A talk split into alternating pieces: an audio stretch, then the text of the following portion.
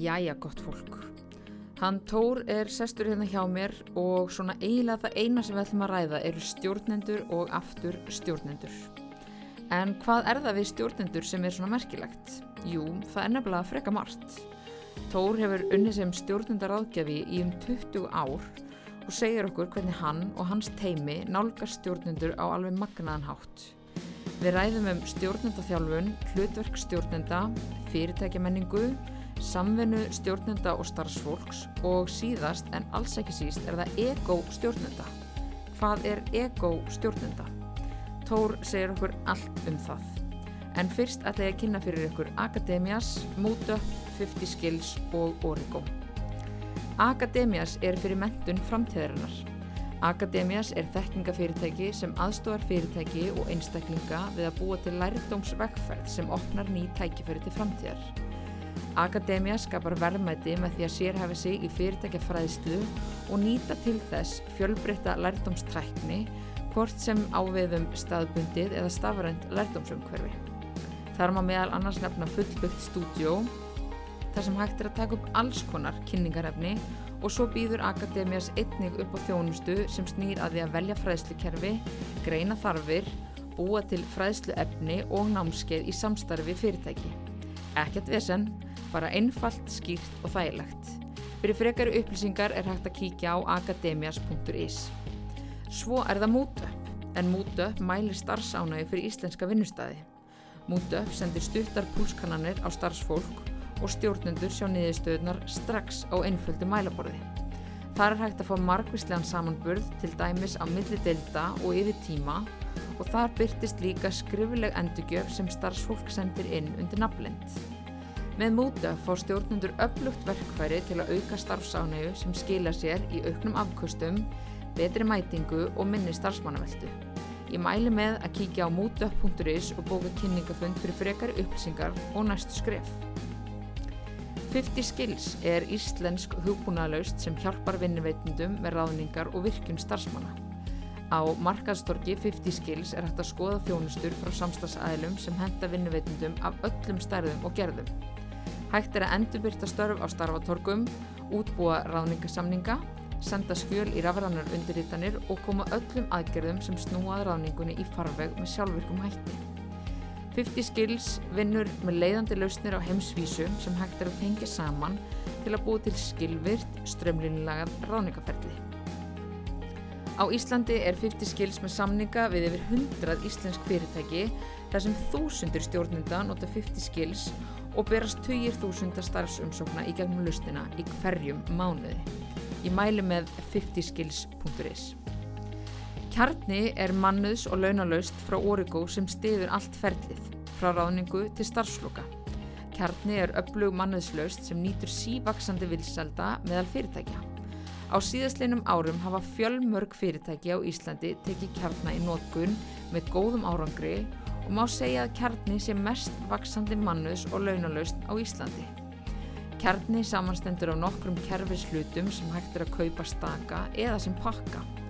Fullkomið flæði er á milli kerfisluta í kjarna sem og yfir í önnur kerfi. Kjarni býður upp á vefið mót fyrir starfsfólk og stjórnendur þar sem þau geta á einfaldan hátt nálgast allar helstu upplýsingar. Þessi sjálfsafgriðsla léttir á starfsfólki, mannuðs og launadelda sem geta þá nýtt tíma sinn frekar í önnur verkefni. Kjarni státar af miklu möguleikum í skýslugerð hvort sem það er í bakenda lausnarinnar, vef viðmóti eða með tengingum við ytri skýslugerðatól eins og Power BI. Stjórnendur eru mjög meðvitaður um launakostnað sinna eininga þar sem samþygtaferli launa gefur þeim góða yfirsýn yfir þau mál. Allt um kjarna inn á origo.is. En nú skulum við vinda okkur í spjalli við Tór. Njótið! Tór, verðstu velkomin. Takk fyrir. Gaman að fá þig. Já, mjög gaman að vera hérna. Já, og það ekki. Erum við ekki bara til í skemmtilegt hérna, spjallum stjórnundur? Jú, ég tala í allt kvöldina. Er það ekki? Ef að stefni í hérna, ég var að segja við áðan, það er, það er komin hérna lengst í þátturinu tæpið tveir tímar, ef að reyna að maksa það eitthvað. Oh Nei, ég er stutt orðið, sko. Sjáum til. Glæsilegt.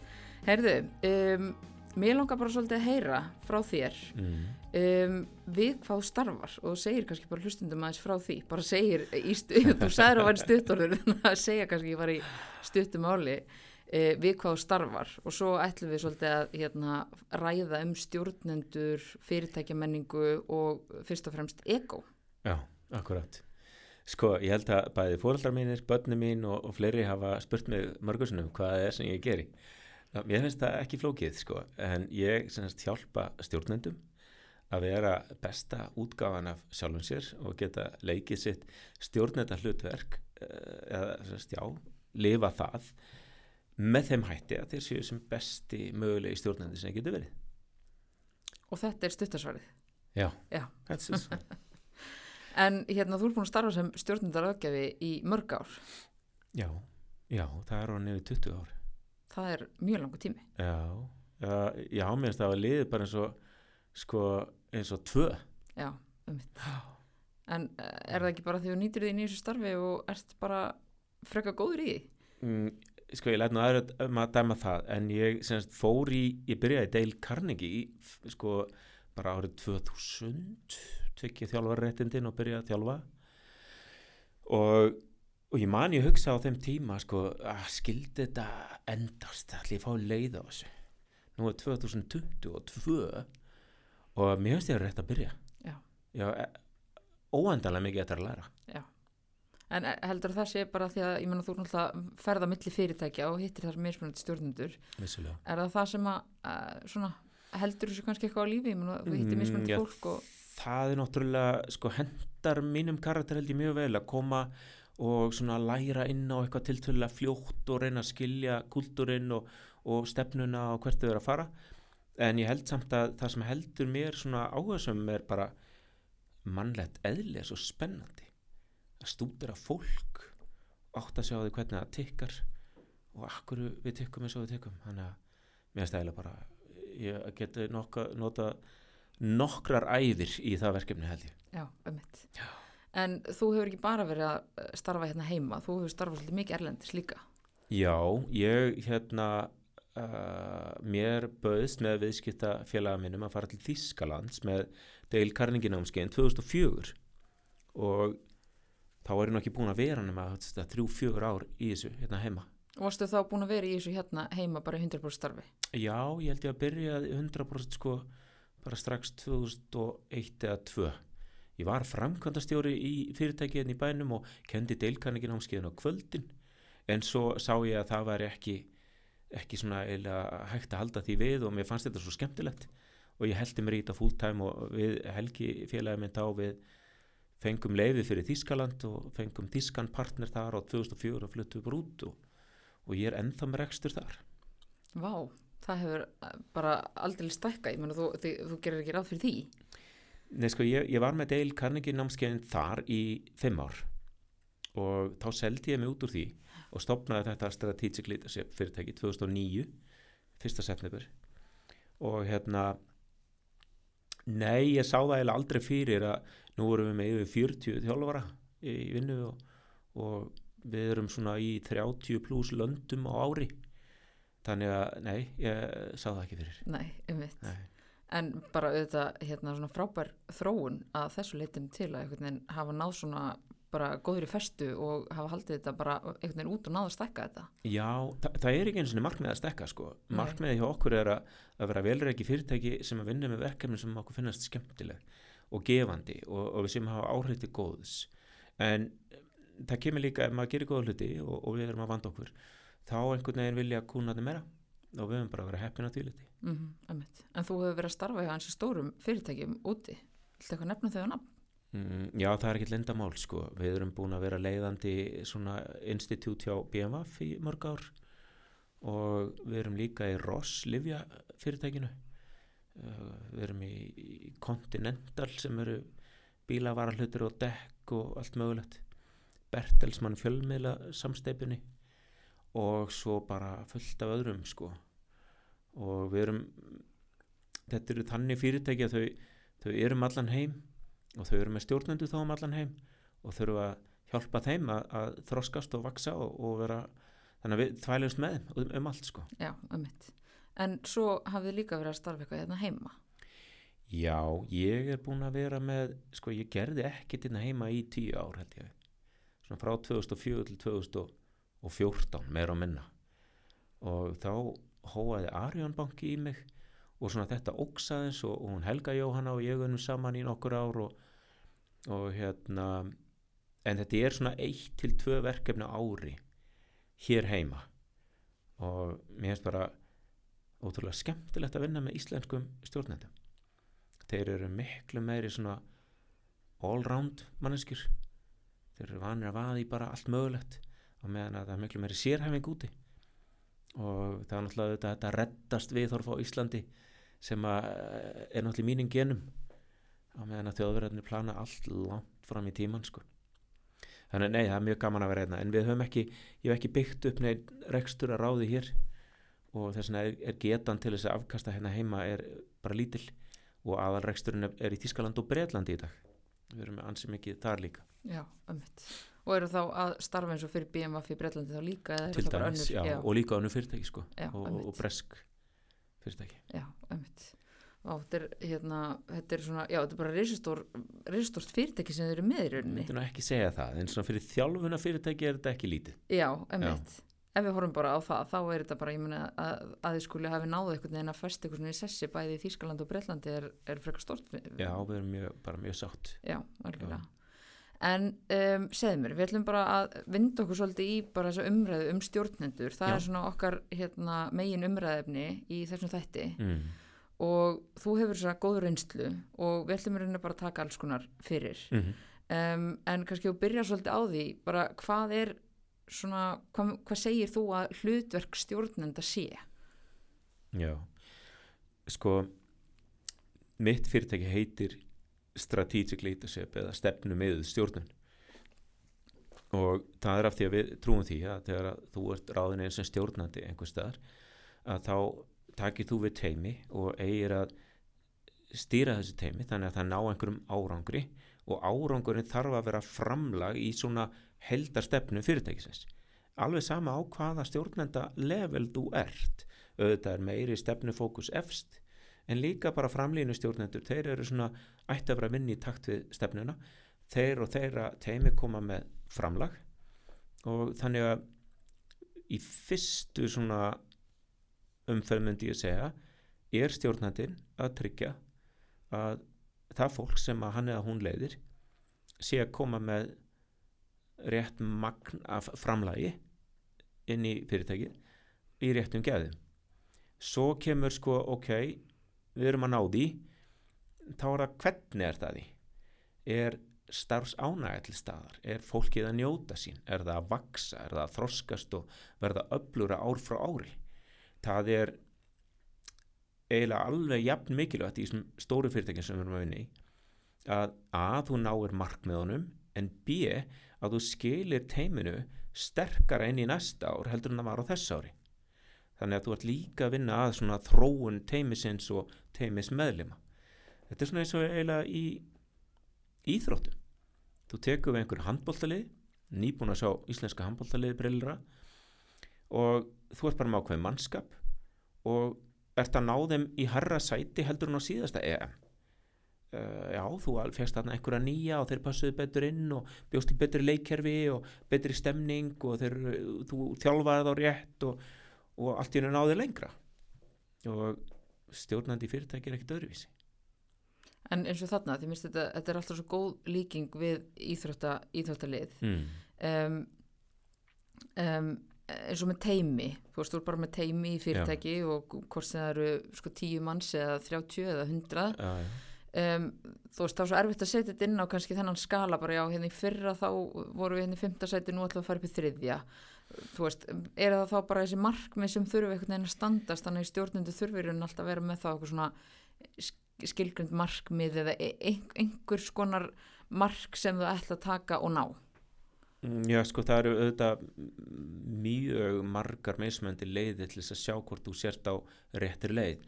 En ein er klárlega að horfa á hvaða markmið og mælikvarðar segja okkur til um það hvort við séum að taka framförum hvort við séum að skila meiri afkostum eða framlegð eða, eða gæðum heldur en í fyrra? Kannski er það gæði sem skipta máli kannski er það magnið. Mm, kannski þurftum við að skera niður mannfjölda til þess að lækka kostnað en samt einhvern veginn að halda sama magni. Hvernig fyrir við að því, við þurfum að auka afköst skilvirkni. Þannig að þetta er svo misjamt hvernig þetta er mælt. Þar sem er kannski bestu fréttinnar undan farin svona hvað að segja 10-20 ár er að það eru fleiri mæli hverðar að koma inn heldur en sko bara rekstrar uh, tengd markmið. Uh, helgun í starfi uh, starfsánægja. Er, ég, er verið að sinna starfsþróun? Það er bara orðin það mikil krafa í dag frá svona öflugu starfsfólki að það, það, því sé sint að fái stöðning við að verða flinkara, læra eitthvað þroskast að það er ekkit stætt á því held ég í samkefnisum umhverfinn í dag að vera ekki með teimi sem að er að að vaksa og þróskast mm -hmm. En þarna náttúrulega líka hefur umræðan, þarna náttúrulega líka ábyrð stjórnenda, emitt hérna, sjá ykkur tækifæri og emitt ebla fólk og allt þetta. Mm. En svo náttúrulega líka ábyrð, komin svolítið svona undarfærið, líka ábyrð starfsfólks að taka skarið og bara, herru, mér langar að vera betri í Excel eða mér langar að vera betri í hinn og þessu. Að það sé einhvern veginn líka svolítið að stígu upp og, og hérna svona, þú veist, þannig að þetta sé meira svona einhver samvinna millir stjórnenda og, og starfsfólks. Já, ég menn það er ekki hægt að undirstryka þá nógu mikið að svona neytenda hegðun ég sitt að ná býða eftir að mér sé bóðið eitthvað hún er svolítið outdated, hvað segir maður, hún er bara ekki, já, hún er á undanhaldi. Og stjórnandin ber aldrei einn ábyrð á því að starfsmæður sé að vaks í starfi. Þetta eru þetta sammenn að tvekja aðra og ég vil þryggja þegar þú segir mannöður allar að steyðja við þetta. Og fjögur að þau segjum herrið fyrirtækið, mannöður og yfirmæðin vilja öll það besta fyrir þig. Hvernig vilt þú vaksa Akkurat. Uh, eh, Kondi með hugmyndir. Þannig að já, þetta verður að vera samina Já, akkurat, akkurat. Mm. Um, Ef við vindum okkur aðeins í þú hérna, útskýri stuttum á láðan um hvað starfið þitt snýst já. en ef við skoðum bara þess að stjórnunda ráðgjöf og bara í hvaða tilgangi er hún mm. af hverju myndu fyrirtæki fá inn stjórnunda ráðgjafa er það bara þegar það er vandamál eða veist, í hvaða tilgangi er þetta? sko þetta var alveg þannig í gamla daga þetta væri svona meira þegar það var eitthvað að einhvern veginn var bara eh, teimið ekki að fungera og við áttum að koma að laga ef við horfum á þessi stóru fyrirtæki Erlendis þá er þetta löngu komið hjá þeim fram yfir það. Og þá á ég við að þau eru bara búin að átta að sjá því að ef við erum með stjórnenda menningu þar sem að stjórnendur eru búin að ná ákveðinu þroskastígi og eru farnir að mentur aðra stjórnendur og kenna þeim að þá nær bara nýr stjórnandi, hann er fljótari að ná afkostum úr sínu fólki ef hann er að starfa í þannig menningu með kollegum og mentorum sem eru bara, með, já, búin að læra þetta. Mm, það er frábært dæmi er verkefni sem við erum með fyrir BMF þar sem að við erum með svona high potentials, fólk með sem á bara já, hefur svona mikla uh, getur til þess að bæta við sig og stekka í starfi. Og þau fá fyllt í gegnum sjömánaða program af mjög hásettum yfirmanni, hann getur verið þremur, fjórum stjórnendalögum fyrir ofaði, getur líka verið bara einu en, en hérna, yfirleitt er hann svona tölvört fyrir ofaði og þessir hátsetti stjórnendur þeir eru svona í svona mentor hlutverki og við setjum með í spjallinu þegar þeir eru að tala við þetta unga fólk. Og ég man ég á að setja í nokkur samtölum og mér fannst svo aðtegluvert hvað þetta voru svona hvað er voru samhljóma. Þetta voru svipaðar ráðleggingar þar fóru tiltölulega djúft lögðu miklu áherslu á sjálfstekkingu sjálfsvitund og mér finnst það svona bara þroskuð ráðgjöf. En aðalega fannst mér hún svo konsistent, hún var alltaf, hún var alltaf svipuð. Og ég fyrir að ræða þetta við mannustjóra og er svona freka bara imponeraður yfir þessu og fannst þetta flott hjá þeim. Og hún saði nú um mig hérna ég finn að segja Tóri, ég er bara orðið drullu svegt ef þetta ekki verið tilfelli. Og já, ok. Jú séu til þessir sem eru hann í mentorhaldurskinn eru búin að vera stjórnendur okkur í meirinn 20 ár. Kannski 25 þeir eru búin að fara í gegnum svona 6 mismunandi prógram. Cirka þryggja til fjögra ára fresti. Um, þetta ætti að vera staðan. Þannig að þetta er það sem fyrirtækin er að byggja upp þannig að þau ganga að ákveðnum gæðum í stjórnun sem þýðir að teimin sem að stjórnendunni leiða verða í betri gæðum afkasta meiru eru fljótar að skipta um fókus ef að það þarf auðveldar að komast í gegnum breytingar og svo framvegs og framvegs Já, þannig að þetta snýst meira um núna svona kannski senustu misseri um að gera gott betra. Já, og, í, og, og þá alltaf í því að heimurinn er að vera gagnsari, það er að leita sér að upplýsingum um, og samkeppnin er að harna og þegar að vörurnar eru orðnar kannski svipaðar um, hvað allar að ná einhverju fórskoti um, það geti verið bara það að þínir stjórnendur eru betri þeir ekki bara laða að sér betra fólk heldur ná að halda þeim lengur sem að allir orðni flinkari afkasta meiri. Þa, það er samgjöfnisfórskot í þessu. Algjörlega. Já. en hérna um, svona við horfum á stjórnandan bara per segja því hún nefndir að náðan eins og sjálfstekkingu og sjálfsvitund og svona mm. hvaða eiginleikar eru það sem að stjórnendur þurfa að hafa? Af því að auðvitað er þetta bara fólk eins og ég og þú og bara alls konar hefur hérna mismunandi skoðanir og, og tilfinningar og allt hvað er það svona sem að hérna, stjórnandi þarf að hafa? Hvaða eiginleikar eru þetta sem að, sem að gera það að verkum að einn verður stjórnandi en- annar ekki? Sko þetta er rosa trikki spurning sko. svo ég ætla ekki að hafa hann drikki Nei, þetta er svo margt og misjamt og fyrir þetta í kringum stöðum og ég man að Jack Wells var nú, hann kom inn fyrir 100 árum inn til Íslands og var spurður að þessu og vildi ekki svara spurningunni. Uh, hann kom svo aftur að henni og sagði það er eiginleikin að geta staðið á hliðalínni og hvart leikmenn sína áfram og fagna gríðarlega þegar það er skora í staðis að þurfa sjálfur að vera inn á leikvellinum og skora mörkin sjálfur. Og það er rosa mikið til í þessu. Ef ég ætla að vera góðu stjórnandi er ég að njóta þess að sjá fólki mitt blómstra? Er ég að njóta þess að hvetja þau áfram um, hjálpa þeim að búa til einhver leikkerfi verða flinkari sem heild spila betur saman er ég að njóta þessa eða þarf ég helst að vera með puttana sjálfur í að gera hlutina sjálfur? Og ég veit þetta er mjög erfitt að skilgarina þetta svona vegna þess að sérstaklega framlínu stjórnendur eru oft ennþá með töluvert svona hlutverk sem sérfræðingar. Og þeim er ætlað að- vinna ákveðan að vinnu bara sjálf en hafa samt nægan tíma í stjórnun. Og ef þeir eru ennþá aðeins of ástfangin af sérfræðarhlutverkinu og finnst það eiginlega bara miklu skemmtilegra heldur en stjórnun þá mun hún mæta afgangi. Og þá eru þau ekki standand á hliðulínni að fagna þau eru inn á vellinum og mikinn hluta af tímanum.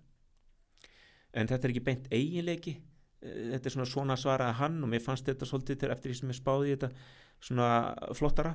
En um, ég held að sko ef við ætlum að vera stjórnendur þá verður okkur að finnast við þurfum að hafa áhuga á fólki og áhuga á því að ná því besta út úr fólki og, og e- ekki síður að ná því besta út úr liðs heild semst hóp fólks. Hverjir passa vel saman, hverjir vinna vel saman og svo framvegs og til þess að svona ná þessu þá þarf ég að vera besta útgáfana sjálfum mér. Opinn, heiðarlegur, hreinskilinn óhrættur uh, næmur um, hérna tillitsamur. Já en svo ástæðan fyrir þetta trikki spurning er að við sjáum kannski einhvern blómstra sem er rosa góður í mannlega samskiptum en ekkit endilega mest í faglegi sérfræðingur svo kannski í næstu deild er einhver sem er alls ekki góður með fólk er mikill faglegu sérfræðingur en hafði kannski vita á því að fá einhvern með sér sem er aðeins betri með fólk og nær líka frábárum árangri mm. þannig að við erum styrkleika með þið gerum það sem við erum best í og fáum fólk til þess að hjálpa okkur sem er kannski gott í því sem við erum sjálf veik í þá getur þú komist ansi langt þú sért ekki svona típisk people person eða, eða eitthvað æðislega spenntur fyrir uh, hérna fólki. Uh, þá hjálpa alltaf. Mhm, þannig að það sem ég kannski að benda á er að ef ég er besta útgáðan að sjálfum mér þá þekki ég mína styrkleika þekki hvað fær hjarta mitt til að slá aðeins örar hvar ástriðan er og vinn með það en ég þekki líka hvar ég er ekki sérlega sterkur og gerir ástafanir til þess að bæta upp ef að, ef að sá veikleiki er vandamál í, í stjórnuninni einmitt. og þetta er það sem við erum að hjálpa fólki að gera En þannig mitt kemur þetta svolítið inn á að þú þarft að vita þá hverju þínir styrkleikar eru. Þú þarft Já. Að, já, þú þarft að, og einmitt, þannig, þannig komið þið inn á og bara leggið, þú veist, hjálpið stjórnundum að átta sig á hvar þeirra eiginleika liggja. Já. En hvernig gerið þið það? sko við notum ímist tækja tól til þess uh, mismunandi persónleika próf til þess að fá svona insýn inn í sjálfan sig við höfum notað Gallup Strength Finder mjög mikið sem er alveg frábært tæki það hjálpar fólki að átta sig á svona þessum default styrkleikum það er að segja þessum hæfileikum sem hægt er að þróa yfir í styrkleika sem að eru þarna bara nótt sem nýtan dag, þeir eru alltaf til staðar. Meiri sé að geta að verið það snar þáttur í mínum persónleika að ég ég hef aldrei talið þetta sem styrkleika þetta er svo, svo sjálfsæða hlutur að sjálfum mér. Ég er til dæmis með learner búin að vera að bóka ormur frá því að ég var bara pingu krakki sko. Og ég hefði aldrei giskað á það að ég væri með learner en svo var það bara nummer eitt. Þannig að mjög, mjög skemmtilegt. Þetta, en þetta er eitt af svona tíu mismætti persónleika prófum sem við erum að, að vinna með. Um, það er ekki síður mikilvægt að átta sig á hvaða svona, nú veit ég hvað íslenska orðið er fyrir saboteurs. Já, það eru svona hermdarverkar menn já, einmitt. í okkar karakter skuggarliðin í okkur Já.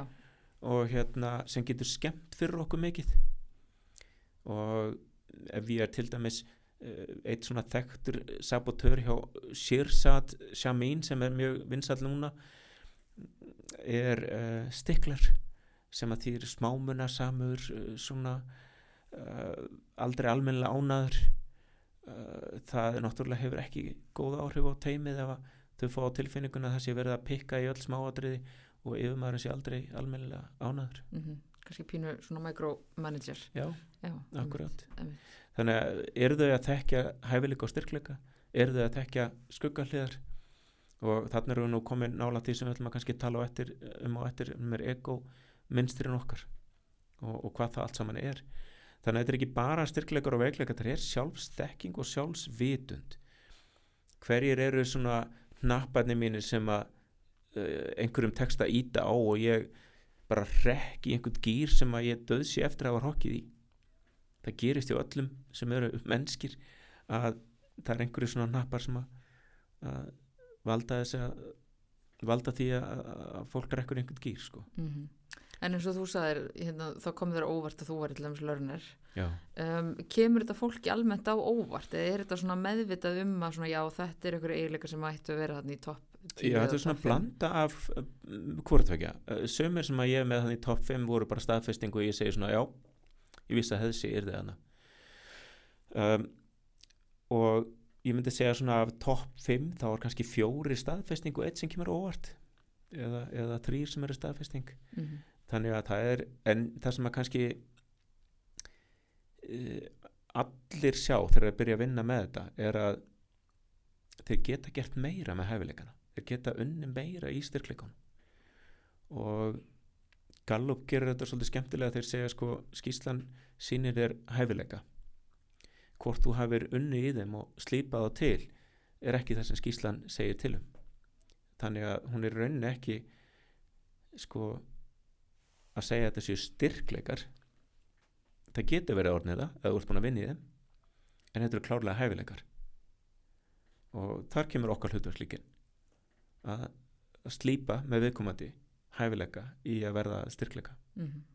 og eins líka eins og þú sagðir áðan að bara taka þessi atriði sem að kannski viðkomandi geti verið betri í Já. og að mitt passa í hvað aðstæðum eru, eru þessir já, er þetta að koma upp já, já og hefur, þeir, úst, hefur, hefur reynst vel einhvern veginn að stjórnendur séu svolítið að fá þetta bara svolítið svart og hvítu að sjá bara já, ok, er þetta hérna, ég er sterkur þess, þessu en kannski minna sterkur þessu er, er þetta hjálpa fólki, Svona, er þetta, þetta opna einhverjar Já, sko það sem er mjög hérna, við byrjum kannski, þetta er bara eitt skref að, að sjá þetta svart og hvítu eins og orðara. Mm -hmm. svo þurfa þau að kannski að ræða þetta við kollega sína og yfirmenn og, og svona. Og það er mjög gaman að taka þessa æfingu með þessa sabotörs, þessa skerliða eða hermdaverkamenn eða hvað maður að kalla þessa, þessa skuggahliðar í okkur. Að segjum að ég sé búin að taka svona próf á netinu og ég held skýslinu fyrir mig. Og svo stendi fyrir fram að fólki sem vinnur nánast með mér. Og við erum með nægilegt sálfræðilegt örgi til þess að þau treysti sér til þess að nefna mínar skuggarlegar þau hafa ekki séð niðurstöðunar úr prófinu en þau vita út af hvað þetta próf gengur og eru svona með getgátur. Það er með ólíkindum hvað kollegar okkar sem að þekki okkur vel eru naskir á að já, það voru dörgla með þessa skuggarlegina þá eru þau búin að upplifa það. Mm. nú er komið leifi til að tala um það. Og, og svo stendur við komandi með skýsluna hana og horfir á hana og er bara eiginlega alveg gáttaður á því að niðurstaðan sem hann var að fá úr prófunu er staðfest af öllum kollegunum trúverðuleiki prófsins ríkur upp úr öllu valdi og þú svona herði og það er kannski eitthvað í þessu. Og enn betra er að því að við þjálfararnir erum ekkert alltaf á svæðinu er ef að teimismeðlum er geta sammælst um það þegar guðana bænum krakka látið mig vita þegar þessi skuggaliðina verður aðeins og sínileg sko, og, og pekið í mig og þau verða svona bara stöðningshópur fyrir hvort annað og fyrir, jáfnveg fyrir yfirmann sín Einmitt. En þarna náttúrulega, þarna einmitt að því þú talar um þetta sálfræðilega öryggi, þarna þarf náttúrulega að vera að koma mikið traust og mikið Mm. öryggi að því þarna Já. er, er, bara fólk fara að vinna saman bara, og þá er þetta að segja bara á sko, hérna, vera svolítið kurtis og bara, heyrðið, hérna, passaðu þessu og hérna þegar ég sendi þér þetta þá kom svolítið skrítið svar eða, já, þú veist, þá komið leifi til þess að mitt að svona já, já. segja, vera svolítið hinskilinn. sko þetta, þetta er hérna hugdag sem að Amy Edmondson hefur gert svolítið svona þekkt og hafi verið til áður og það er mjög miskilið sálfræðilegt öryggi það halda sömur að já þegar komið sálfræðilegt öryggi þá verða fundinu úa næs allir eru úa góðir og kurtesi við hvern annan. Það er eiginlega það, sko, fólk getur verið hreinskilnara. Og það er ekki að taka hlutunum persónulega. Þú, það veit að þú meinar vel. Ég treysti þér til að vera hreinskilin við mig. Og það er í lægi það er sálfræðilegt öryggi af, af bestu gerð. Og það er hlutverk stjórnandans í dag að búa til þannig umhverju það er meirinn að segja sérstaklega í bara teimum sem eru eins og við sagðum aðan sum teimi eru 5, 10 og svo er þetta orð, og getur orðið stærri, stærri, Já, stærri ég tökum bara tíu manna teimi og, og hérna ef að ég erfði þetta teimi ég er nýji yðmaðurinn, þau eru búin að vinna áður saman. Og það eru tveir eða þrýr sem hvort annan það er hérna samkeppni á milli einhverja teimismeðlima um, ég þarf að byrja að fatta þessa dýnamik og vinna með hana og ég hefði kannski valið öðruvís inn í teimið ef ég hefði fengið frjálst val en það er bara ekki búið þannig að hvar byrja ég, hvernig ger ég þetta það er ágætt að hafa einhvern til að ræða það við algjörlega, algjörlega. mm. þú komst aðeins inn á egoið áðan Já, sem við ætlum að hérna, líka ræða já. svolítið segðu okkur svona hvað hva pælingar eru þetta með egoið og svona einmitt þessa stjórnendur, styrkleika og allt þetta Hva, hvaðan kemur þetta ego? Já, sko kannski segja frá upphafinu ég, Mhm. semst, eh, með, með mitt fyrirtæki eh, í, að því við erum í þessari stefnu með stjórnun, þá hef ég leitt fjöldan allan af svona vinnustöðum þar sem að yfirstjórn fyrirtækis eða, eða einingar er að hanna nýja stefnu. Og þetta er erfitt fyrir margra hluta sakir. Þetta er erfitt að því að við erum að reyna að skapa nýja framtíð horfa búa til framtíða sín og svona leið inn í framtíðina sem á að vera betri leið heldur en við höfum notað til þessa. Einhvern veginn svona aðeins meira clever og, og búið að spá og spekulur í henni. En við veitum ekki alveg hvernig hún á að líti út. Sem þýðir að þeir sem er að vinna að henni mm, þeirra hlutverk geti breyst í nýrri stefnu. Og hvað ef að það hlutverk þýðir að ég bara er ekki lengur í framkvæmdastjórn eða mm, já, mitt svið mingar verulega og ég man að ég var að vinna með ákveðna framkvæmdastjórn og þeir eru að vinna á svona mismyndi töflum í hópum, litlum hópum og ég bara allt í hennu skinnja sko svona, hvað maður að segja hidden agendas þar sem að fólk var svona að reyna koma sínum málum fyrir og haga þessu einhvern veginn þannig að þeir eru tryggir áfram og þetta var mjög ábyrrandi og ég hugsa á þessu augnumbliki ég get ekki verið að standa í þessu ef við erum bara í einhverju leikriti. Þú veist við verðum að komast að kjarnanum og geta búið til eh, stefnu fyrir fyrirtæki sem er fyrirtækinu og öllu starfsfólki þess í hag óháð því hvað þessir einstaklingar telja best fyrir sig. Og þarna komum við að þessu ego. Ég fyrir semst að, stúdara executive coaching í London og, og fyrir að kafa í þessi svona bara dýbra í mannlegt eðli. Þetta er í kringum 2010 og hérna skilgreiningin okkar á ego, þetta er ekki tekað fram, þetta er ekki sko Freud eða, eða sálfræðin getur sko skilgreinta öðruvísi en þetta er okkar skilgreining. Og hún er svo að þetta er svo saga sem að ég er búin að segja sjálfur mér um hver ég er og af hverju ég er svona. Það er engin manneski sem fær að heyra söguna um mig og hver ég er eins oft og ég sjálfur. Við erum stanslist að tala um okkur sjálf í huganum eða uppátt inn í þessari sögu er síðan hvernig ég svona díla við heiminn. My coping strategies eins og við tölum um sem er ekkit annað en bara svona mínar strategi, mín strategi að hvernig ég get bara best lifað af, komist af í þessum heimi. Og þetta byrjaði með snemma. Og ef við ímyndum okkur að að hérna svona ungur krakki fimm ára strákur eldst upp á heimili og svona bara til þess að gera dæmi skýrar að skulu segja heimili sé pínu erfitt fyrir fimm ára pappin er skapstyggur fljótur að rjúka upp og æsa sig. Mamman byllandi meðvirk og einhvern veginn að reyna að hafa alla góða. Þessi fimm ára er yngstur af þremur eða fjórum sískinum týnist svolítið í öllum glundróðanum og hamaganginum og, og hvað gerir þessi einstaklingur til þess að komast sem best af í þessu umhverfi? Einn möguleikin væri bara verða mjög hljóður ósynilegur, hverfa jafnvel upp á herbergi. Svona bara, já, bara láta sig hverfa. Næsti möguleiki væri, nei ég ætla að koma mér í mjúkin hjá hérna eldri bróði mínum og mömmu og, og ef ég er svona gerið þeim svolítið greiða og er svona svolítið people pleaser þá hérna passa þau upp á mig og þá er mér borgið. Allt önnu strategi. Þriðji gæti sagt hérna ef ég bara gerir allt ógæðslega vel þá getur enginn gaggrínt mig eða orðið reyður út í mig ekki einu svona pappi sko. Og verður bara fullkomnar sinni sko bara og gerir allt fullkomið. Og fjórði, hann bara segir nei ég bara verður alveg eins og pappi sko. Bara verður ógíslega aggressífur og hávær og, og læti og, og lem frá mér sko.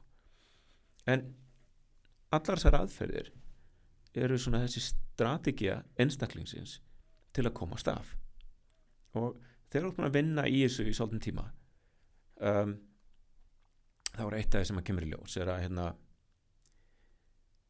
þó að við höldum að við höfum skilið þessi minnstur eftir þá er bara ótrúlega mikið sem við tökum með okkur.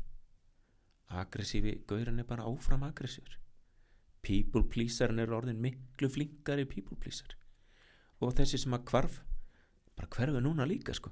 Verður rosa hljóður og segir ekki neitt nema hvað að við erum bara sjálfnast meðvitið um þetta. Og þegar stjórnandi hverfur þegar erfiðumálinn koma hverfur meina ég kannski forðast bara að taka þeim vonar að þau leysist sjálf um, þá ef hann ofgerir þessu munstri þá fær það að snúast í höndunum af viðkomandi og fólk er bara drullu og ónægt að hann skul ekki taka hann einu málum aggressífi gaurinn hann verður aðeins of aggressífur. Fólk verður hálf hrætt við hann. Hann hótar. Hann hefur valdið, er yfirmaður mm, fólk verður þá híkandi býðið sér síður fram í, í sem sjálfbóða liða í einhver ný verkefni að það gæti lemt í honum ef þú skilur hvað við. Mm -hmm. people pleaserinn hann kannski er með svona eitthvað agenda gákvært þessum og eitthvað annað þarna og eitthvað annað þarna og verður kannski missaga. Maður veit ekki alveg hvað maður hefur hann. Hann svona bara kemur sér í mjúkinn þá sem sem honum hendar og við þurfum bara að hjálpa fólki að átta sig á að við erum öll með þessi minnstur þau var ætlað að halda okkur örugum, er enda á ætlað. En við erum ekki lengur fimm ára. Og þetta munstur er kannski svo stert að það oftúlkar hlutverk sitt grýpur inn í aðeins fyrra en á að gera aðeins oftar en á að gera. Og bestu svona bestus, besta sönnunin um að þetta sé að gerast er að kannski stjórnandi lendir í einhverjum fundi og stekkur inn í og, og, og svona heggur á einhvern ágreining gerir það á harkalega, þetta er aggressífa típan og sér eftir að hafa sagt það sem hann eða hún saði já nefnir þetta er þessi típan sem að læta þessi hverfa þá sér hann kannski eftir að hafa ekki sagt neitt. En maður sér eftir því þá voru það einhver viðbröð sem að við svona þau, þau skutust fram hraðar en við ætluðum af því þetta er svona default hegðun í okkur. Og egoðu leftusnögt það getur líka verið lægvíst og, og planat og við segjum, herðu þetta er coping strategin þetta er lærið hegðun myndur að halda þess að þú mættir bara ef þú getur veifað töfrasbrota og sleft þessu? Sömur vilja haldi það því þekki ekki annað. Aðri segja nei, ég var bara fegin að losna við þetta. Ég er alltaf mikil perfectionisti ég er alltaf aggressífur stundum. Skapstór. Auðvitað vildi ég sleppa því ok, hvað ef það væri hægt? Hvað ef að egoð sé svona eins og lög í laug og innst inni er kjarni? Og þú getur verið leiðtöði sem vinnur út frá kjarnan frekar en egoðun og það finnst okkur í, í, í mínu ekki óendanlega spennandi. Og, og eins og veistur hefur búin að setja stað svona plattform vefsíðu sem heitir Beyond Ego og, mm -hmm. og snýst bara um að stjórnendur vinni saman bæði með þjálfurum eða bara stjórnandi með stjórnanda í að komast lengra inn að kjartan Beyond Ego mm. En þannig er eins og þú sagðir aðan þetta er náttúrulega hérna, þetta er svona að vissu liti bara, svona, þetta er náttúrulega bara sálfræðilegt ég menna það er mm. allir með einhvers konar lærða hegðun Algjörlega og hérna þetta er svona einhvern veginn um sko, þú, þú ferði ekkert bara inn á fund og bara já, ég er svona svona svona og ég ætla að reyna að laga þetta og þetta og þú veist, þetta verður ekkert mál. Þú ert svolítið bara að fara virkilega inn á við og skoða hérna, bara hvernig er ég, þú veist, hva, hvaða manniski er ég? Hvað hefur mótað mig? Og þetta er náttúrulega svolítið stórt svona, þú ert svolítið að fara hérna svolítið djúft bara inn í sála tetrið að hérna, að fólk þurfi einhvern veginn bara svona að opna sig og bara virkilega einhvern veginn já, opna sig gagvart því e, bara með það að vera stjórnandi. Algjörlega. Og ég var í mörg ára að þjálfa uh, stjórnendur í færni. Og ég man eftir því að var, við vorum mjög mikið í, í svona námskeiðum í kynningatækni. Hvernig á að halda áhrifjar kynningar. Og svipa leit og ég er á þessari vinnustöða sem ég sé þessi egomenstur í gangi uh, þá man ég að ég hugsaði með mér með góður, við erum að taka svona fólk sem að er kannski mjög egodreifnir stjórnendur kenna þeim að halda rosa áhrifar eitthvað kenningar og erum eiginlega bara að gera egomennsturinn ennþá hættulegri. Bara að íta undir þau. Að því við erum að vinna í færninni án þess að tækla kjarnavandans og við ákvaðum bara ég og, og mitt fyrirtæki að hérna til þess að geta verið í þess af heilum hug þá verður allavega okkar fyrirtæki okkar nálgun verður að fara dýbra og þessi sjálfskoðun, þessi nabla skoðun hann ætti hver einasti stjórnand að fara í.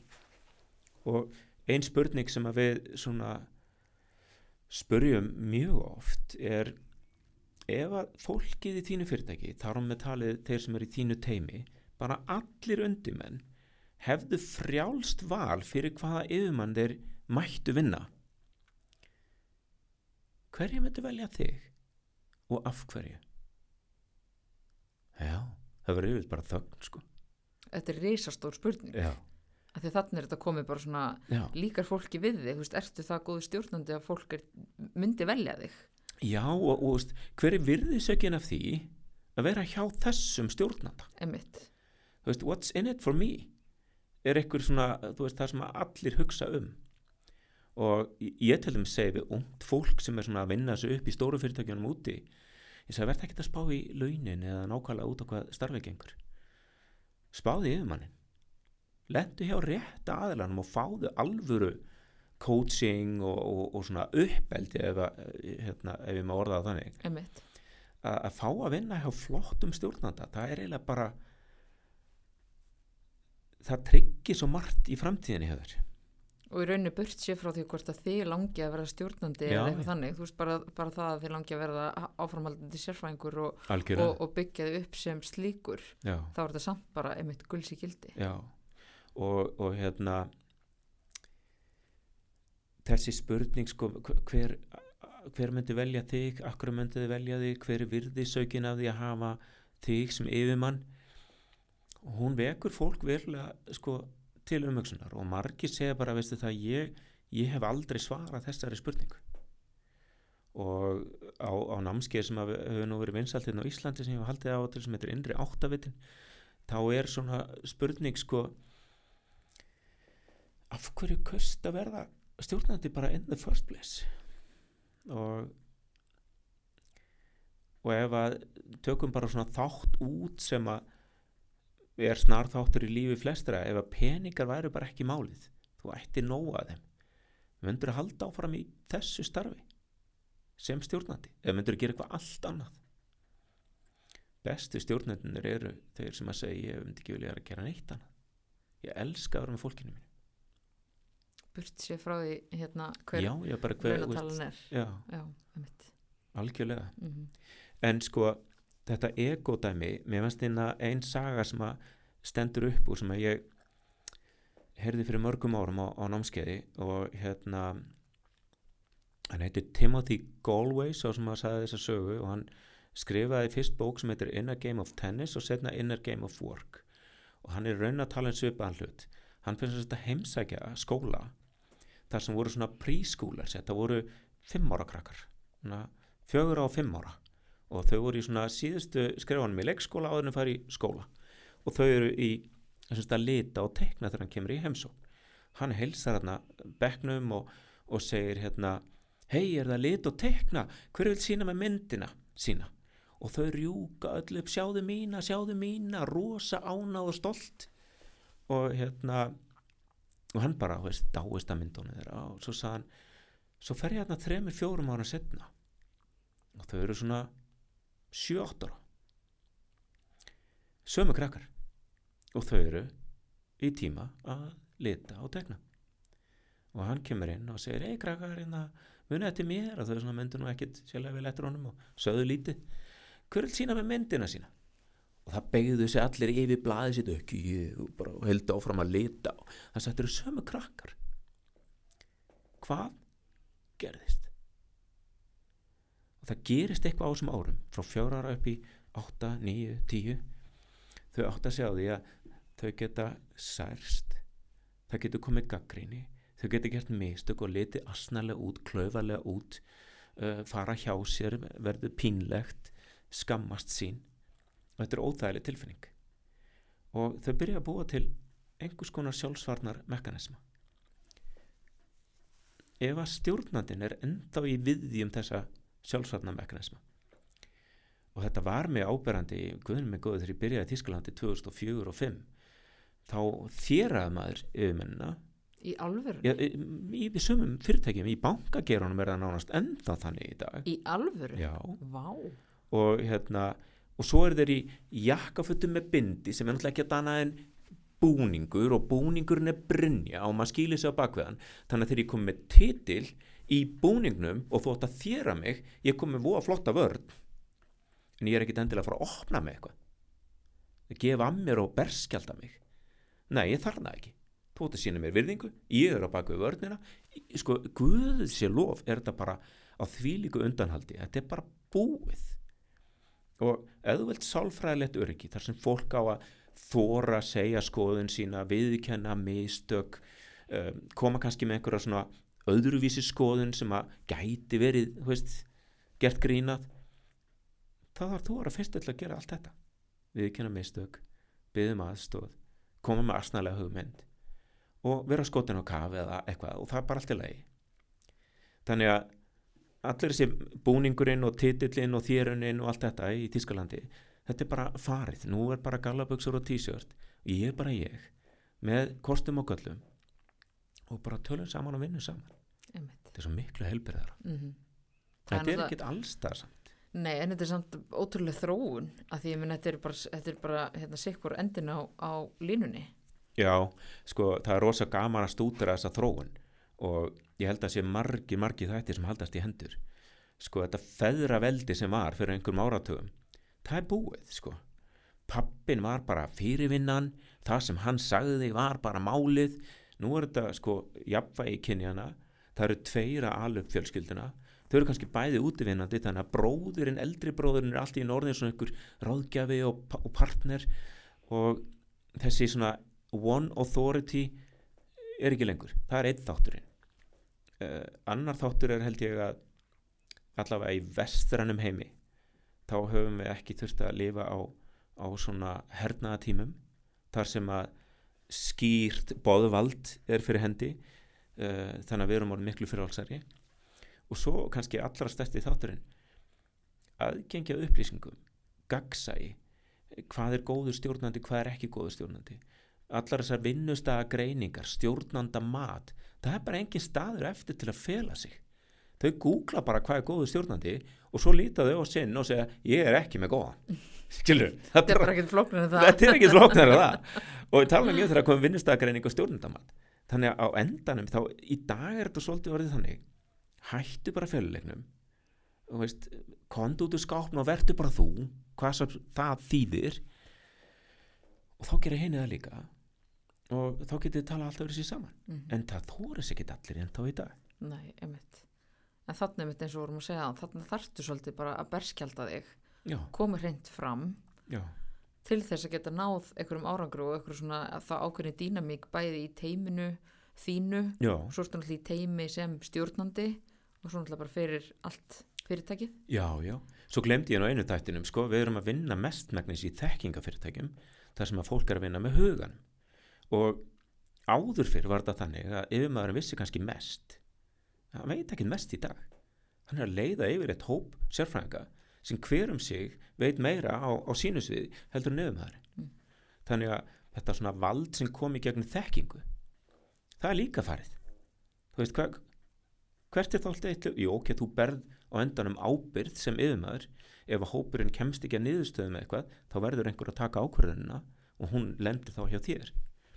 En það eru komið svona demokratískari nálgun á að spyrja meira spurninga, heyra álit sérfræðingana áður en ákvörðunar eða síðan tekin Akkurat. Og þá bara stjórnendur og starfsmenn að vinna saman að einhverju en ekki bara stjórnandinn að segja hvað hver á að gera og svo bara sjá þau um vinnuna. Já. Og, og þetta er fín lína vegna þess að við höfum líka þekst uh, síðan mörg dæmi þess að stjórnat allar að vera ofbúslega demokratískur og, og virkilega leifa teiminu að, að vinna nema hvað að teimið kemst ekki að sameilir niðurstöð og tíminn líður. Og stjórnandinn heldur áfram að reyna að fá teimið til að komast að niðurstöð og þau eru öll farin að hugsa akkur tekur hún ekki bara ákvörð Skil, við erum ekki að fara að verða sammála um þetta. Þannig að hvenar á að stíga inn og segja ok, nú er full reynd nú verður einhver að taka ákvörðin, ég tek hana.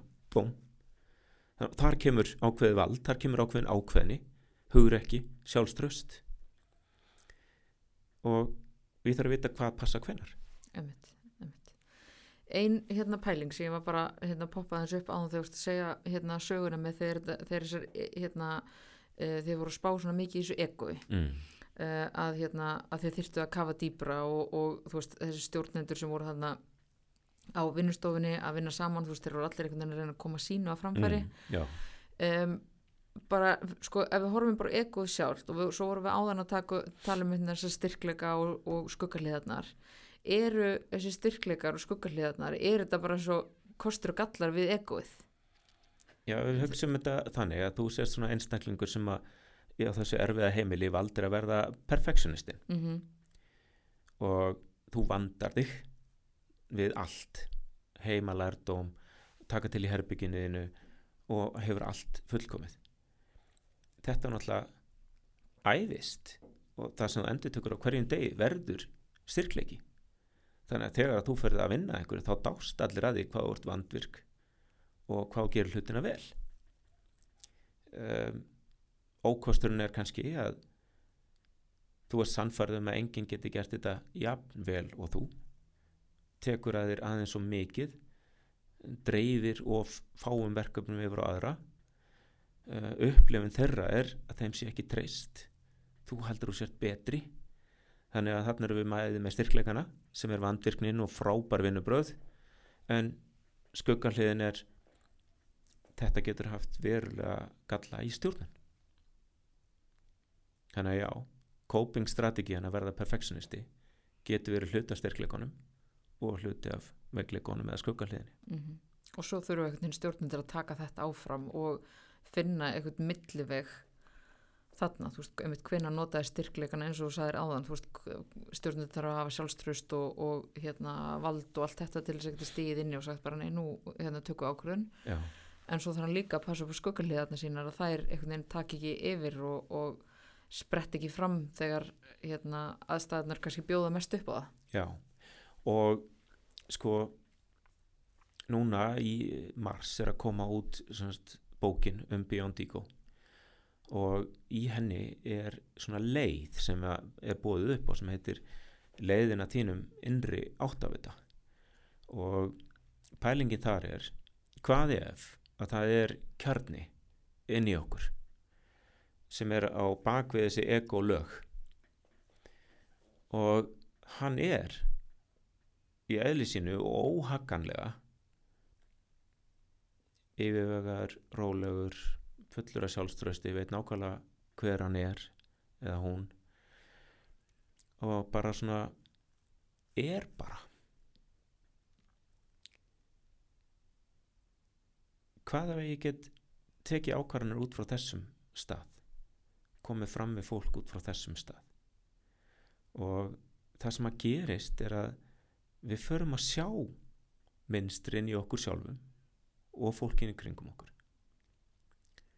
Og að einhverjum sé kannski ekki sjálfrátt á fundinum. Taknaði bara og let sig hverfa. Og þá horfum maður á viðkomandi með svona ekki meðöngun heldur með samkend og segir ok, hvernig get ég stutt við viðkomandi að hann sleppi tökunum á þessu gamla varnarminstri og þóra að vera hann sjálfur?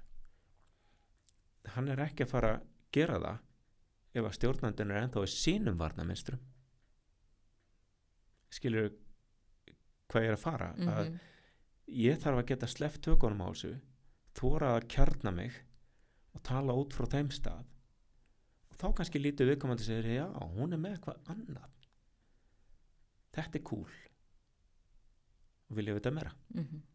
og þarna náttúrulega líka myndast kannski þetta tröst að stjórnandin er tilbúin til þess að vera hreinskilinn Já. og opna sig og, og hérna búin að finna sína miðju. Já, og sinn þá einhvern veginn emitt og þá veginn eru undumenn kannski bara já, heyrðu, veist, af hverju ætti ég ekki að fara þessa leið líka? Já.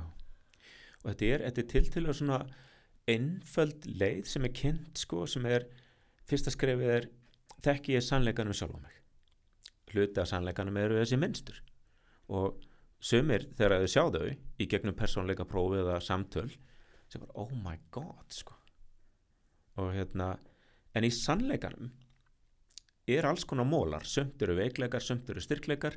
Og svo er sumt sem að kemur fram sem að segir hvað er svona tilgangsríkara heldur en annað? Og þar finnur þú kannski svolítið sterkan tilgang. Bara annarkvört fyrir lífið eða fyrir hlutverk þitt sem stjórnanda. Mm.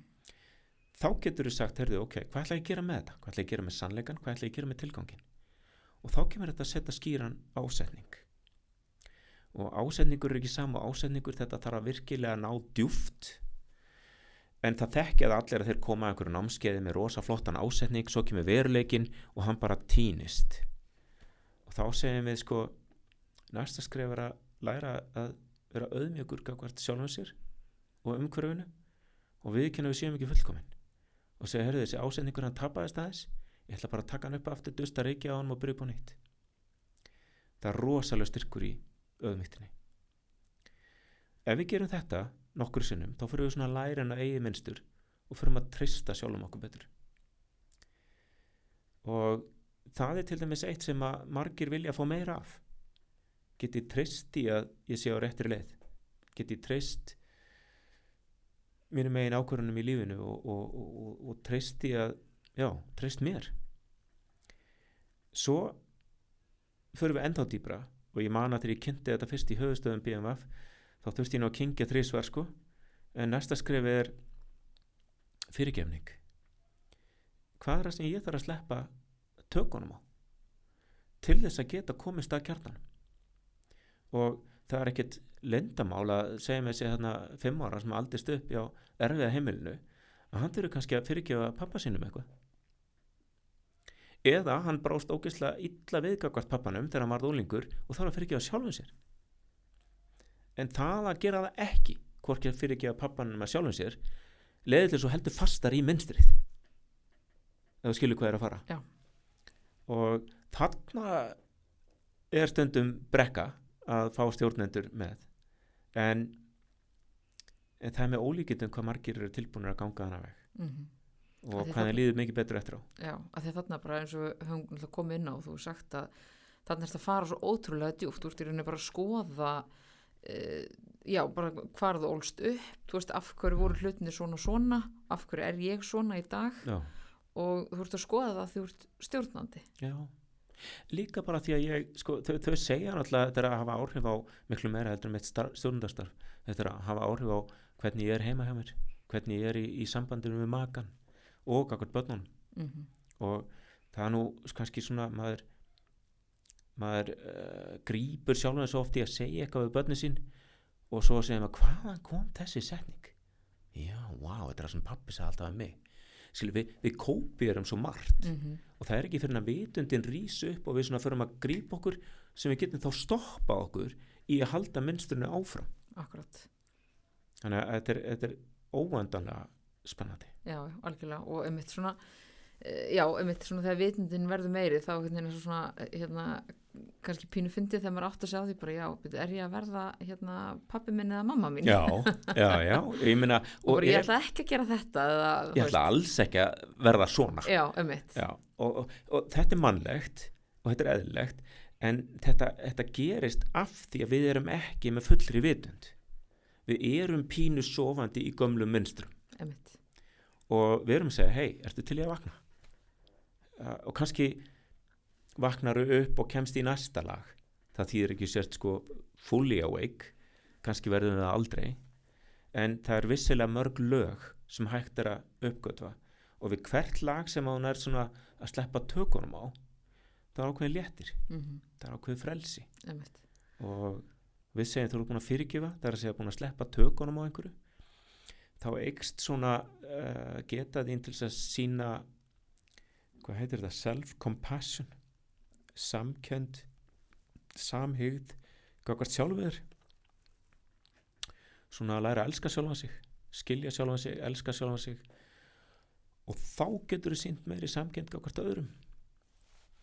Og svo svona síðasta skrefið í, í þessum innri áttavita eða finna þinn innri áttavita er að líta yfir farin veg og segja ég fann sannleika, ég fann tilgangi með skýran ásetning, ég er búin að læra kraft auðmygtar, ég treysti mér betur en áður, ég er búin að sleppa tökunum á málum sem að voru sem að ég held allt og fast í.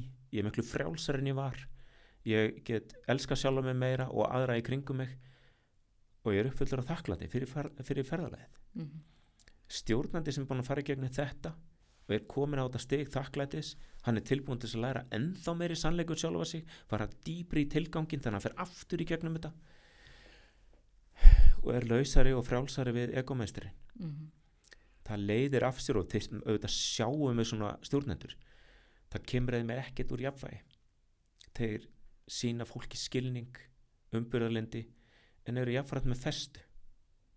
Þeir veit alveg fyrir hvað er standa en þeir þurfu ekki að gera það með svona brambolt eða gauragangi já, með eitthvað svona harki nei, En nú erum við eiginlega bara búin að tala um, þú veist, hennan hérna, fullkomna, hennan stjórnanda sem fer bara hennan fullkomna veg og hann kemur út sem nýr maður. mm. E, hérna, e, ég meina, fólk er svo bara mismunandi og það er Já. eflaust einhverju stjórnendur sem hafa bara ekki tekið vel í hérna, þessa sjálfskoðun og, og allt svona sem að því fylgir. Bara klárlega Hvernig, ég meina, hvað hva, hva gerir þið þá? sko þa það er enginn að fara að ganga þinn veg fyrir þig. Nei. og í flestum þessum prógrum sem við erum með þá er fyrirtækið að bjóða upp á eitthvað. Við erum þeir sem að leiða verkefnið eða þau. Og hérna og segjum að ég sé með 20 manna hóp. Ef ég næ meir en 10 segjum 12 komum með hennan krít, krítiska massa þá er ég bara í skíunum en ég mani hérna þegar ég var að byrja með Dale Carnegie námskeiðin það var skemmtileg saga sem að setur svo í mér. Uh, Konrad Adolfsson hefði verið með námskeiðin sko áður en að við tökum við þessu. Og hann var svona mentorn okkar. Og ég man að ég var með þrjú námskeið á viku sagt þrjú kvöld í viku. Og það fyrir 40 manns á hverju námskeið þannig ég er með 120 einstaklinga og ég er ekki að ná til þeirra allra það voru alveg nokkur á hverju námskeið sem ég var bara ekki einhvern veginn að tengja við örgulega svona 3-4 10% á hverju námskeið og ég felli Konráðs og ég segi bara herðu, þú er eitthvað að hjálpa mér maður ég er bara ekki að ná til allra og hann segir hérna ég meina spurningu Ert þú Guð? ha? Hvað meinar þau? Sko, ég, bara Guð geti náttúrulega allra. Ert þú Guð? og ég er svona, þú veist, ég áttaði mig á hvað þetta var fáránlegt hjá mér. Og ég er bara búin að hafa þetta í huga alla tíð. Ég er tilbúin til að gera mitt besta. Ég er til að leggja ógeðslega hart að mér að hjálpa þáttakandum að ná því best út í sjálfum sér. Og það er bara ekki allir til í það. Já. eða þá þeir tengi ekki við mig. Mm -hmm. uh, þannig er það bara Já. ég er bara í fullri auðmýtt að taka því Einmitt. En þá kemur þetta líka svolítið eins og inn á eins og við vorum að segja áðan með bara þetta, þessa samvinnu millir stjórnenda og, og undimanna að það þarf að vera eitthvað svona meina undimenn sitt ekki bara og herri hvað hva ætlar að bjóða mér upp á Nei. þannig að þetta er líka þessi svona samvinna sem verður svolítið eiga þessi stað hjá, hjá Já, já. ykkur og, og eitt svona basic eða svona algjört grunn tæki í dag sem eru svona endurgefa samtöl eða, eða fá þetta samtal um sko framistöðu og, og hvað með betur fara og hvernig við komum að geti vaksið í starfi og allt þetta. Mér finnst það algjörlega úrælt að þetta sé í eina átt. Þetta verður báðar áttir. Þú veist þegar ég er hérna auðmaður þinn hvað hva á ég að laga? Hvað hva get ég gert til að vera betri auðmaður? Þetta er alveg jafn mikil hluti af umræðin og í staðin fyrir að viðkomandi setja þarna rosa lítill í stólnum og býði eftir að yfirvaldi segi sko hvað þurfa að vera öðruvísi þá er þetta bara tveir jafningir að tala saman og veita hver öðrum feedback og rós og þannig á hvert einasta samtala vera. Mm. Já, þetta eru, þetta eru bara hérna, þetta eru svo áhugaverðar eh, pælingar, þetta er svo mikið sko um, það verið að hérna, draga svo mikið úr þessu einhvern veginn yfir menn og undir menn eða þú veist, þetta verður svo mikið samvinna og ég meina eins og þetta hérna, endurgjöfin mm. uh, þú veist, hvert viljum við fara, hvað mark hver er markmiðin okkar en ekki bara hvert er markmið stjórnandans já, og allt þetta og hver, hver er stefna fyrirtækisins. Já, Þú veist, hvernig geta, geta bæði, eh, bæði starfsfólk og stjórnendur uh, veist, unnið að því að, að ná stefnunni og ná Saman. Já, einmitt. saman eiga samtalið Mm opið, heiðalegt, hreinskilið samtal einmitt. stundum er það óþægilegt að því að ég ger einhver mistök og nú þurfum að tala um það stundum er það æðislegt að ég stóði mig svo vel og það er bara að vera að rósa þú veist, þetta er lífið bara einmitt. þannig að við, við erum að hætta fyrirleiknum Já. við erum að hætta að vera með brynjuna í búningnum með titilinn af opni Mm veist, það er bara úrælt Já, einmitt. En uh, aðeins með egoið og svona kannski með tilliti til þess sko uh, hvernig svona hvernig átta fyrirtæki sig, stjórnendur og annað sig á því að það er egoið sem að ræður för? Sko, hérna fyrsta leið er náttúrulega ekkert allir átt að segja á þessu. Nei. og þetta er ég myndi ekki segja þetta væri hugtak sem að sé orðið eitthvað gríðarlega þekkt að vinna með ego í, í stjórnendamenningu til Mhm. dæmis. En það er að reyðja sér til rúms og við erum búin að vera að halda fyrirlestra á vinnustóru erlendi sem er bara uppselt á um, um þetta mál. En ef við tökum svona búum bara aðeins til sko hvað er það sem að drífur egoið áfram? Það er ótti og að baki allra þessara minnstra sem við erum búin að tala um er ótti við mistök, ótti við að já, að vera bara ekki nóg nóg góður. Og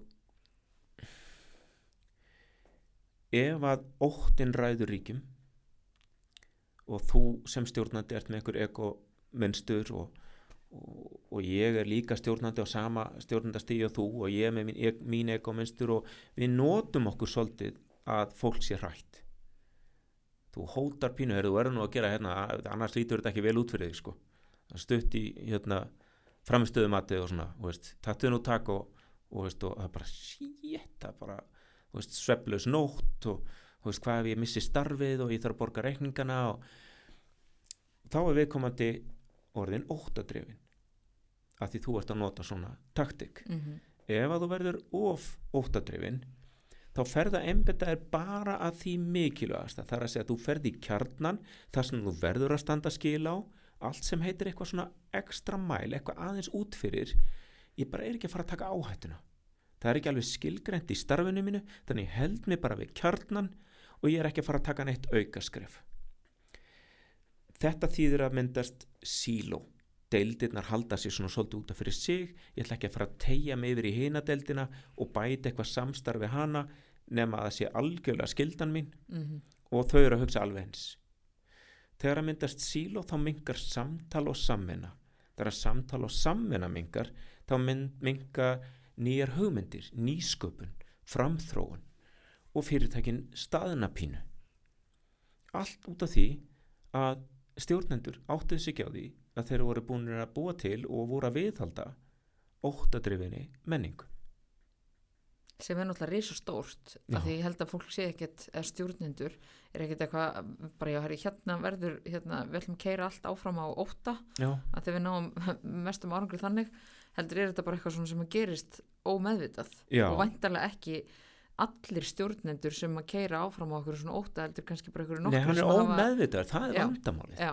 ef að, ég, ef að ég er stjórnandi og ég ætla bara að vera virkilega að gera mitt besta og ég ger mér ekki grein fyrir því að, að svona mjög oflítið að ég sé bara brjálaða fullkomnum sinni.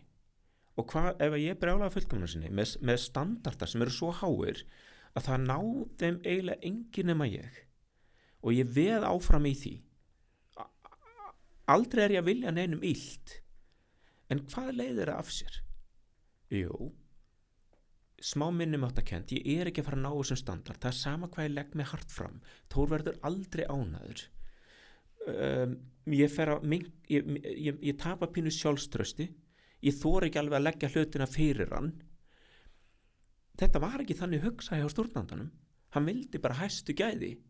En hann, ég, ég sem stjórnandi bjóð til ótt að drifna menningu óvart í vitundar leysi Þannig ég vil meina að óttadrifin menning er aldrei búin til viljandi. nei en það eru væntarlega þá bara einhverju nokkri stjórnendur sem gera þetta óvart meina, veist Jú og svo einn lærir af öðrum. já, Maður lærir það sem er fyrir mann er haft. Og, og þá verður smám saman í gegnum árin fjölgar þessum aðlum og verður til einhver menning. Og, og svo komum við inn kannski og gerum vinnustagreiningu. Mjög algengt að við byrjum með svona könnun. Og þar kemur í ljós að, að enginn er raunverulega að vinna starfi sitt alveg af því að yfirmaður þeirra er að skipta sér ómikið af og er farin að vinna hlut af þeirra starfi og þannig að ég upplifu að mér sé ekki fyllilega treyst og ég ger það sama við þá sem eru fyrir neða mig og þeir það sama fyrir þá sem er fyrir neða þá. Mm og eh, Amy Edmondson sem að er með þetta Psychological Safety bókin hennar heitir The Fearless Organization. Frábær bókum í rauninni þess að þetta fyrirmyndar fyrirtæki eða stofnun sem við eigum að vera að reyna að búa til og, og búa til sálfræðilegt öryggi. Google fór í rísa rannsókn fyrir nokkrum ára síðan á hvað eru svona eiginleikar góður að teima skilvirkra alvöru teima og þeir réðu náttúrulega eiga meiri peninga en þeir vita hvað er að gera við og réðu bara færasta fólk á sínu sviði félagsvísinda, sálfræðinga, félagsfræðinga og svo framins og fylgdust með 180 teimum í nokkur ár. Númer 1 var Psychological Safety. Teimin sem náðu því þar sem allir með að koma með framlag eru betri. Það er ekki fara að gerast í óttadrifni óttadrifni teimi það er bara of hættulegt.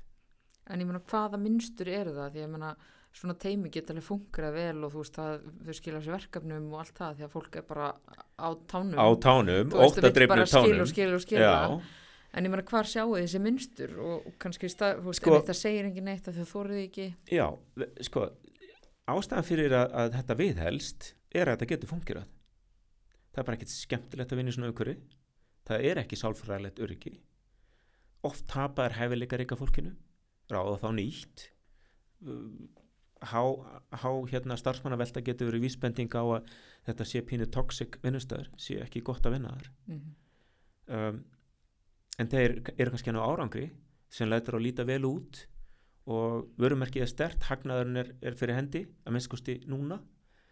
Hérna þá langar fólki að byrja að vinna þar en endist ekki lengi þannig að það er svona það er að mörgu að huga í þessu. Já, og flestir eru nú þannig að þeir vilja vel. Og ef þeir eru spurðir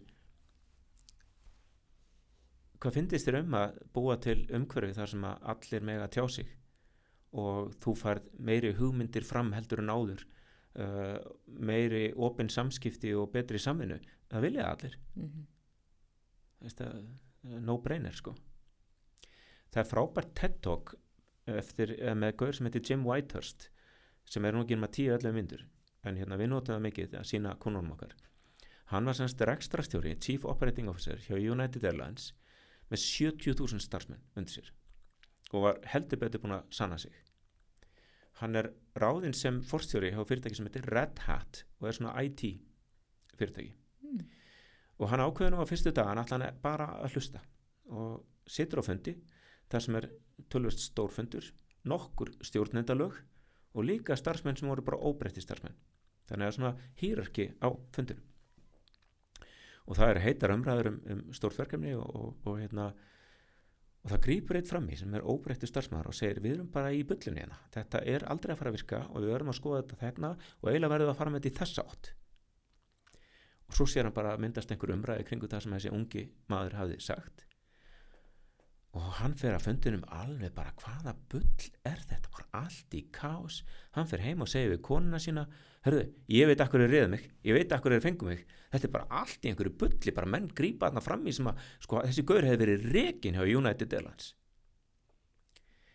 Nokkrum vikum setna er hann sem betur fyrir það vel gefin að hann er bara búin að átta sig á því að þetta sem var hann í gangi á Red Hat var algjörlega líkillina þeirra velgengni að fólk mætti tjá sig.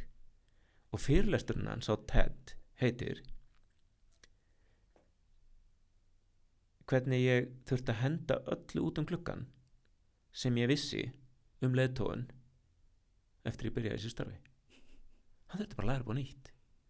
Bara að því að fyrirtækja menningin var bara allt önnur. Hann var að koma úr hýrarkísku struktúreruðu óttadrifnu umhverfi þar sem að þú virtir yfirvaldið þú sagðir ekki þó þú sætir á briljant hugmynd þá óðust ekki með hann inn.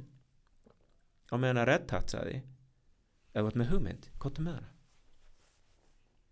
Jafnvel þó að stuði einhverja á fundinum. Þetta eru bara breytti tímar. Og en ég meina þetta er líka þá bara ólík fyrirtækja menning. Já, mjög. Mjög.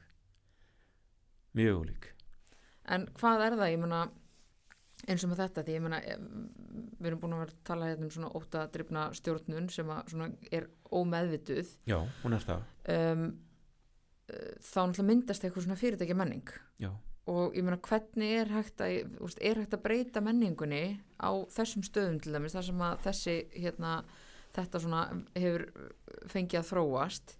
Er þetta að breyti sér menningu án þess að fara í kjarnar sem eru rauninni það bara stjórnundir sko án þess að fara í stjórnendur? Já, Nei. Um, Það er frábært dæmi hvernig Microsoft er búið að breyta sinni menningu. Þar kom nýr fórstjóri og með allt annan stíl. Mjög sterkur karakter en, en auðmjögur í, í senn. Um, og hann hann náði að fá fullt af stjórnendum til að skipta um gýr og breyta um stíl en hann þurfti líka að skipta um en þeir virkilega breytti menningunni sinni. Og þannig að þetta er hægt. En þannig að kjarnin er í rauninni þá alltaf stjórnundir veist, þeir eru í rauninni alltaf sko það er náttúrulega margt sem að mótar menningu. Um, stjórnendur og þeirra hegðun er einn stór áhrifavaldur ekki sá eini. Hvernig er ráðningaferlið, hvers konar fólk eru að ráðinn er líka þáttur. Hversu lengi lefum við einhverjum að setja inni sem eru að skemma það sem erum að reyna að byggja upp í, í, hérna menningunni. En stjórnendur og þeirra höfðun er mjög snar þáttur í að móta menningu já, þannig að það þarf þá ef það var breytinni eða, eða einmitt gera gott betra eins og tölum um áðan að það þarf að hérna, taka þá allavega með inn í, í, í spilið. Algjörlega. Og, og það sem er kannski enda mikilværa er að forstjóri og framkvæmda stjórn semst yfir stjórn fyrirtækisins verður að vera fremst í flokki yfir lengri tíma og, og sína í verki að þau séu að breyta. Þannig að það þarf í rauninni að vera alltaf svona top down. Já, top down og ekki top down. Þeir geta allavega ekki ekki verið með. Nei. en best væri ef að þeir væru í, í, í svona stöðugu samtali við allt fyrirtækið þannig að þetta er bæði yfirmenn og, og, og, og undirmenn að sammælast um breytinguna sem ætla að ná fram Já. en það þýðir ekki að setja undirmennunum fyrir að hegða sér öðruvísi en breyta engu efst það er það segir sér sjálft Já. En hvaða, hérna, þú veist, að því við erum bara eiginlega búin að tala um stjórnendur náttúrulega og sem er þín svona sérgrein, eh, svo bara þessir almenni starfsmenn og bara starfsmannahópurinn að því ég meina fyrirtæki er ekki bara stjórnendur þó svo að þeir spili ótrúlega stórt hlutverk. Ég meina hvar, hvar getur svona hinn almenni starfsmæður bara haft áhrif, eh, hvað var þar bara breyting og fyrirtækimenningu og allt þetta? sko hver einasti starfsmæður hefur alltaf valið að segja sína skoðan hvort þau tristi sér til þess eða síðan annar mál. Um, ef að mannuðsfunksjónin er sterk eiga starfsmenn geta leita þangað í trúnaði? Það er náttúrulega algengur og algengur að fyrirtæki sé að gera vinnustagreiningar og, og, og þar getur eftir rauninni að kjósa. Þú veist að, að, að leifa röddin að heyrast með því að fylla þá könnun út og, og gefa fallengun ef að þér finnst það vera málið. Þannig að það eru svona ímist tækifæri fyrir starfsmenn að leifa að láta í sér heyra. Vissulega. Já, þannig að þeir eru að nýta sín tækifæri líka. Já, já, ég meina ég, ég, veist, ég vonandi er þetta búið að koma þannig fram að við, þetta er samvinna og hún er öðruvísi heldur hún var áður að þýleiti að stjórnandin er ekki lengur að reykja sér eða standa bak við eitthvað titil og nota boðvald og, og vera svo sem að veit allt be best og sínir enga veikleika þetta er svolítið liðin tíð Mm. þetta er vissuleiti jafningjastjórnun þú kemur fram við fólk eins og jafningja og horfir í, í augun á þeim og ert hreinn og betn og, og hreinskilin og gerir þitt besta Já. og því til, til er að gera mistök og, er ekki fullkomin Emmitt. Sem að kannski margir er að leitast eh, eftir, emmitt. Ég get ekki sagt hversu margir stjórnendur eru búin að segja við mig þó ég er alla tíð búin að reyna að sína gera engi mistök og sína enga veikleika Já, emmitt. Já, þetta er, þetta er, já, þetta er, er bara einhvern veginn gaman að spá í þessu svona bara þessi þróun sem við höfum líka komið inn á. hvernig Já. þetta hefur bara þróast yfir tíman og mitt þetta var ekki jafningjastjórnun bara hérna fyrir nánast örfáum árum sko, nei, nei, nei, nei. og er það ekkit allstæður í öllum fyrirtækjum með þá nei, emitt alls ekki sko, nei, við erum að læra já, en okkur fer fram. Já, og það er nú hérna doldi stórt skref. Já, já, Ég, mér- sko heimurinn er að fara fer batnandi. Og það er voða gaman að við erum bara að reyna að leggja lítið lóð á óaskálanar og reyna að hjálpa til. Emitt, en þú veist, það er alveg uh, sér kapituli að ef að við höldum áfram að vera egodrefni stjórnendur sem að hugsa, egoð hugsar short term, það er bara skamtíma sjónamið hvað er örugast fyrir mig núna þá munum við að halda áfram að reyka fyrirtæki sem að uh, ofnota náttúrulegar auðlindir uh, fara ekki nógu vel með þessa plánuti sem við búum á og er bara enga veginn hvað segir maður, sustainable engin hérna það er ekki fyrir að við vöknum til vitundar sem við förum að og, og, og, og, svona vinnum út frá þessum kjarna sem að er fullur heiðarleiki við sjálf okkur sem að við segjum jú, já, við getum ekkert búið til svona stefnu í fyrirtækinu sem að gengur á náttúrulegar auðlindir eins og þú veist já ábyrðalaust bara þetta er nú bara ansi hérna stór loka orð já, En hérna, en mér langaði bara rétt að koma því að, þú ert nú sjálfur að hérna starta svolítið skemmtilegu verkefni, já. Viltu segja okkur eitthvað frá því? Já, sko, ég hef alltaf fundið það sterkar og sterkar kannski að þeim eru búin að svona lengi að okkur, mig langar og okkur langar til þess að vera af skýrum tilgangi í því sem við erum að gera hafa áhrif til góðs og verkefnið er að vekja sem flesta stjórnendur í heiminum til vitundar um að þeir eru að hluta til með ómeðvitaða lærða hegruðun sem við getum kallað egomenstur og að ef þeir sleppi tökunum á því á, á þessum mynstrum þá verður þeir betri stjórnendur sem eru me, meira kjarnaðir og, og leiða út frá þessum kjarna. Þetta þarf ekki að vera ógreiðfar og erfiður vegur og við erum búin að setja afstæð vefsíðu sem heitir beyondego.com og þar erum við hún á að vera svona co-created og það er fólk að byrja að koma með tillögur og, og svona, ég myndi vilja sá meira þessu þarna hjá okkur og getum við búið til svona umræðu plattform og, og við erum bara sveita að búið þetta til. Þetta er not for profit sko. Við erum ekki að reyna að hagnast á þessu. Þetta er eiginlega bara mitt framlega eftir 20 ári uh, sko, strategic leadership gengur vel og við erum bara að láta gott á okkur leða bókin sem er að koma út hún er stiður við þetta og heitir Beyond Ego The Inner Compass of Conscious Leadership. Og það er rauninni það sem við erum að tala um eh, Conscious Leadership. Eh, erum við til í semst er, eru stjórnendur til í að koma inn í svona reyfingu, not for profit reyfingu þar sem að geta að tala við aðra stjórnendur geta að tala við þjálfara og lært að verða conscious meðvitaðir leðtóður sjáum hvað verður Nákvæmlega, Mm. mjög spennandi og bara til hafngi með þetta, ég hérna takk, takk, uh, efast ekki með þetta eftir að ganga vel og, og nýtast bara ótrúlega mörgum stjórnundum. já það var næg Já, það var næði líka. Og væntalega tilgangurinn. já, algjörlega.